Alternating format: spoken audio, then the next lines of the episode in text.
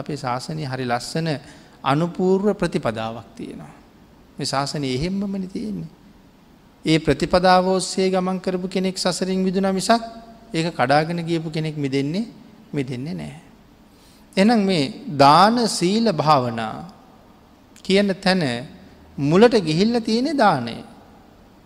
එතකොට එහෙනම් මේ කාරණාව අහල කෙනෙක් හිතන්න පුළුවන් එනම් මුලට යන්ඩ තිබෙ සීලේන කියලා.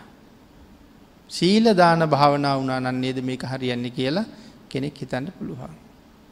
ඒක එහෙම වෙන්නේ නැති නිසයි මං සඳහන් කළේ අනුපූර්ව ප්‍රතිපදාවක් තියෙනවා කියලා.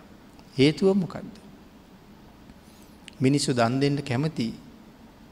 හැබැයි හොල බලන්නකො දන් දෙන මිනිස්සු ඔක්කොම සිල් ගන්නවද කියලා. සීලය කියල කැන ඊට වඩා ලොකු දානයක්. ඊට වඩා ලොකු පරිත්‍යාගයක්. මේ ශාසනය උගන්වා වදාළ මහාදාන පහක් තියෙනවා. මහාදාන පහ කියල කිවී පන්සිල්වලට. එනම් මිනිස්සු දන් දෙනවා.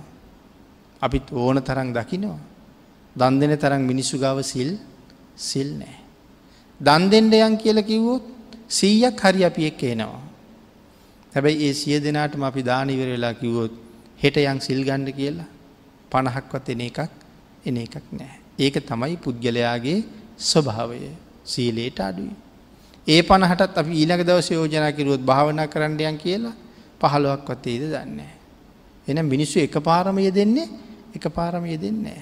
ආං ඒ නිසයි භාගිතුන් වහස මේ පිළිවල හදල තියෙන්නේ. දන් දීගෙන දන්දීගෙන දන්දීගෙන යනකොට ඒ පුද්ගලයට අහන්ඩ ලැබෙනවා මේ දං විතරක් දීල මදි සිලුත් ඕන කියලා.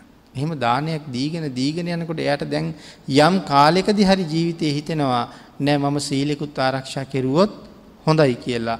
එතන ඉඳලා ඔහු සිලුත් රැකගෙන දන් දෙනවා. එහෙම කරගෙන යනකොට තමයි ඔහුට ආය හිතෙන්නේ ටික ටික හරි භාවනාවක්කුත් පුරුදු කරගත්තොත් හොඳයි කියලා. එතකොට යොහු භාවනාවට එන්නේ. එනම් භාගිතුන් වහසේ අපිට වඩා ඒක හොඳට දන්න නිසයි මේ අනුපූර්ව ප්‍රතිපදාව මෙහෙම දේශනා කරලා තියෙන්.